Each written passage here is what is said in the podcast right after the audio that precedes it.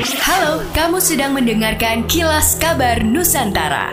Podcast persembahan KG Radio Network menyajikan berita harian yang mengangkat keunikan dari berbagai wilayah Indonesia. Kilas Kabar Nusantara dapat juga didukung oleh pengiklan loh. Wakil Presiden RI Ma'ruf Amin meminta gubernur, bupati hingga wali kota di Sulawesi Selatan mementingkan pelayanan publik di daerahnya masing-masing. Hal itu diungkapkan Wapres saat berkunjung di kantor Gubernur Sulsel Senin 31 Januari 2022.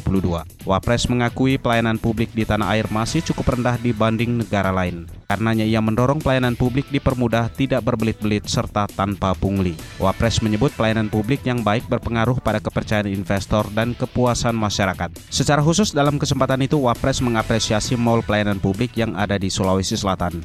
Ia berharap pelayanan tersebut dapat hadir di seluruh kabupaten kota. Apresiasi yang sama juga diberikan Wapres kepada Pemprov Sulsel atas dukungan terhadap UMKM selama ini. Wapres menilai komitmen Pemprov Sulsel sangat besar dalam mengembangkan serta memperdayakan UMKM UMKM. Hal itu tercermin dari fasilitas yang diberikan mulai dari permodalan, peralatan, legalitas berupa sertifikasi halal, pemasaran hingga ekspor.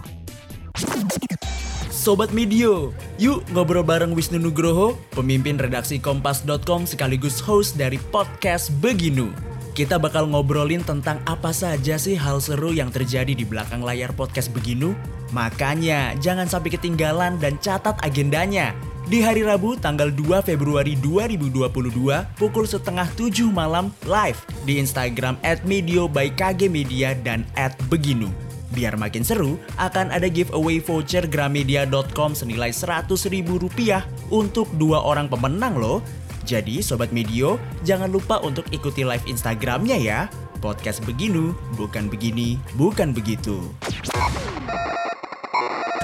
Pemilihan pejabat kepala daerah untuk mengisi kekosongan posisi sejumlah kepala daerah sangat berpengaruh pada kepercayaan publik terhadap pemilu 2024.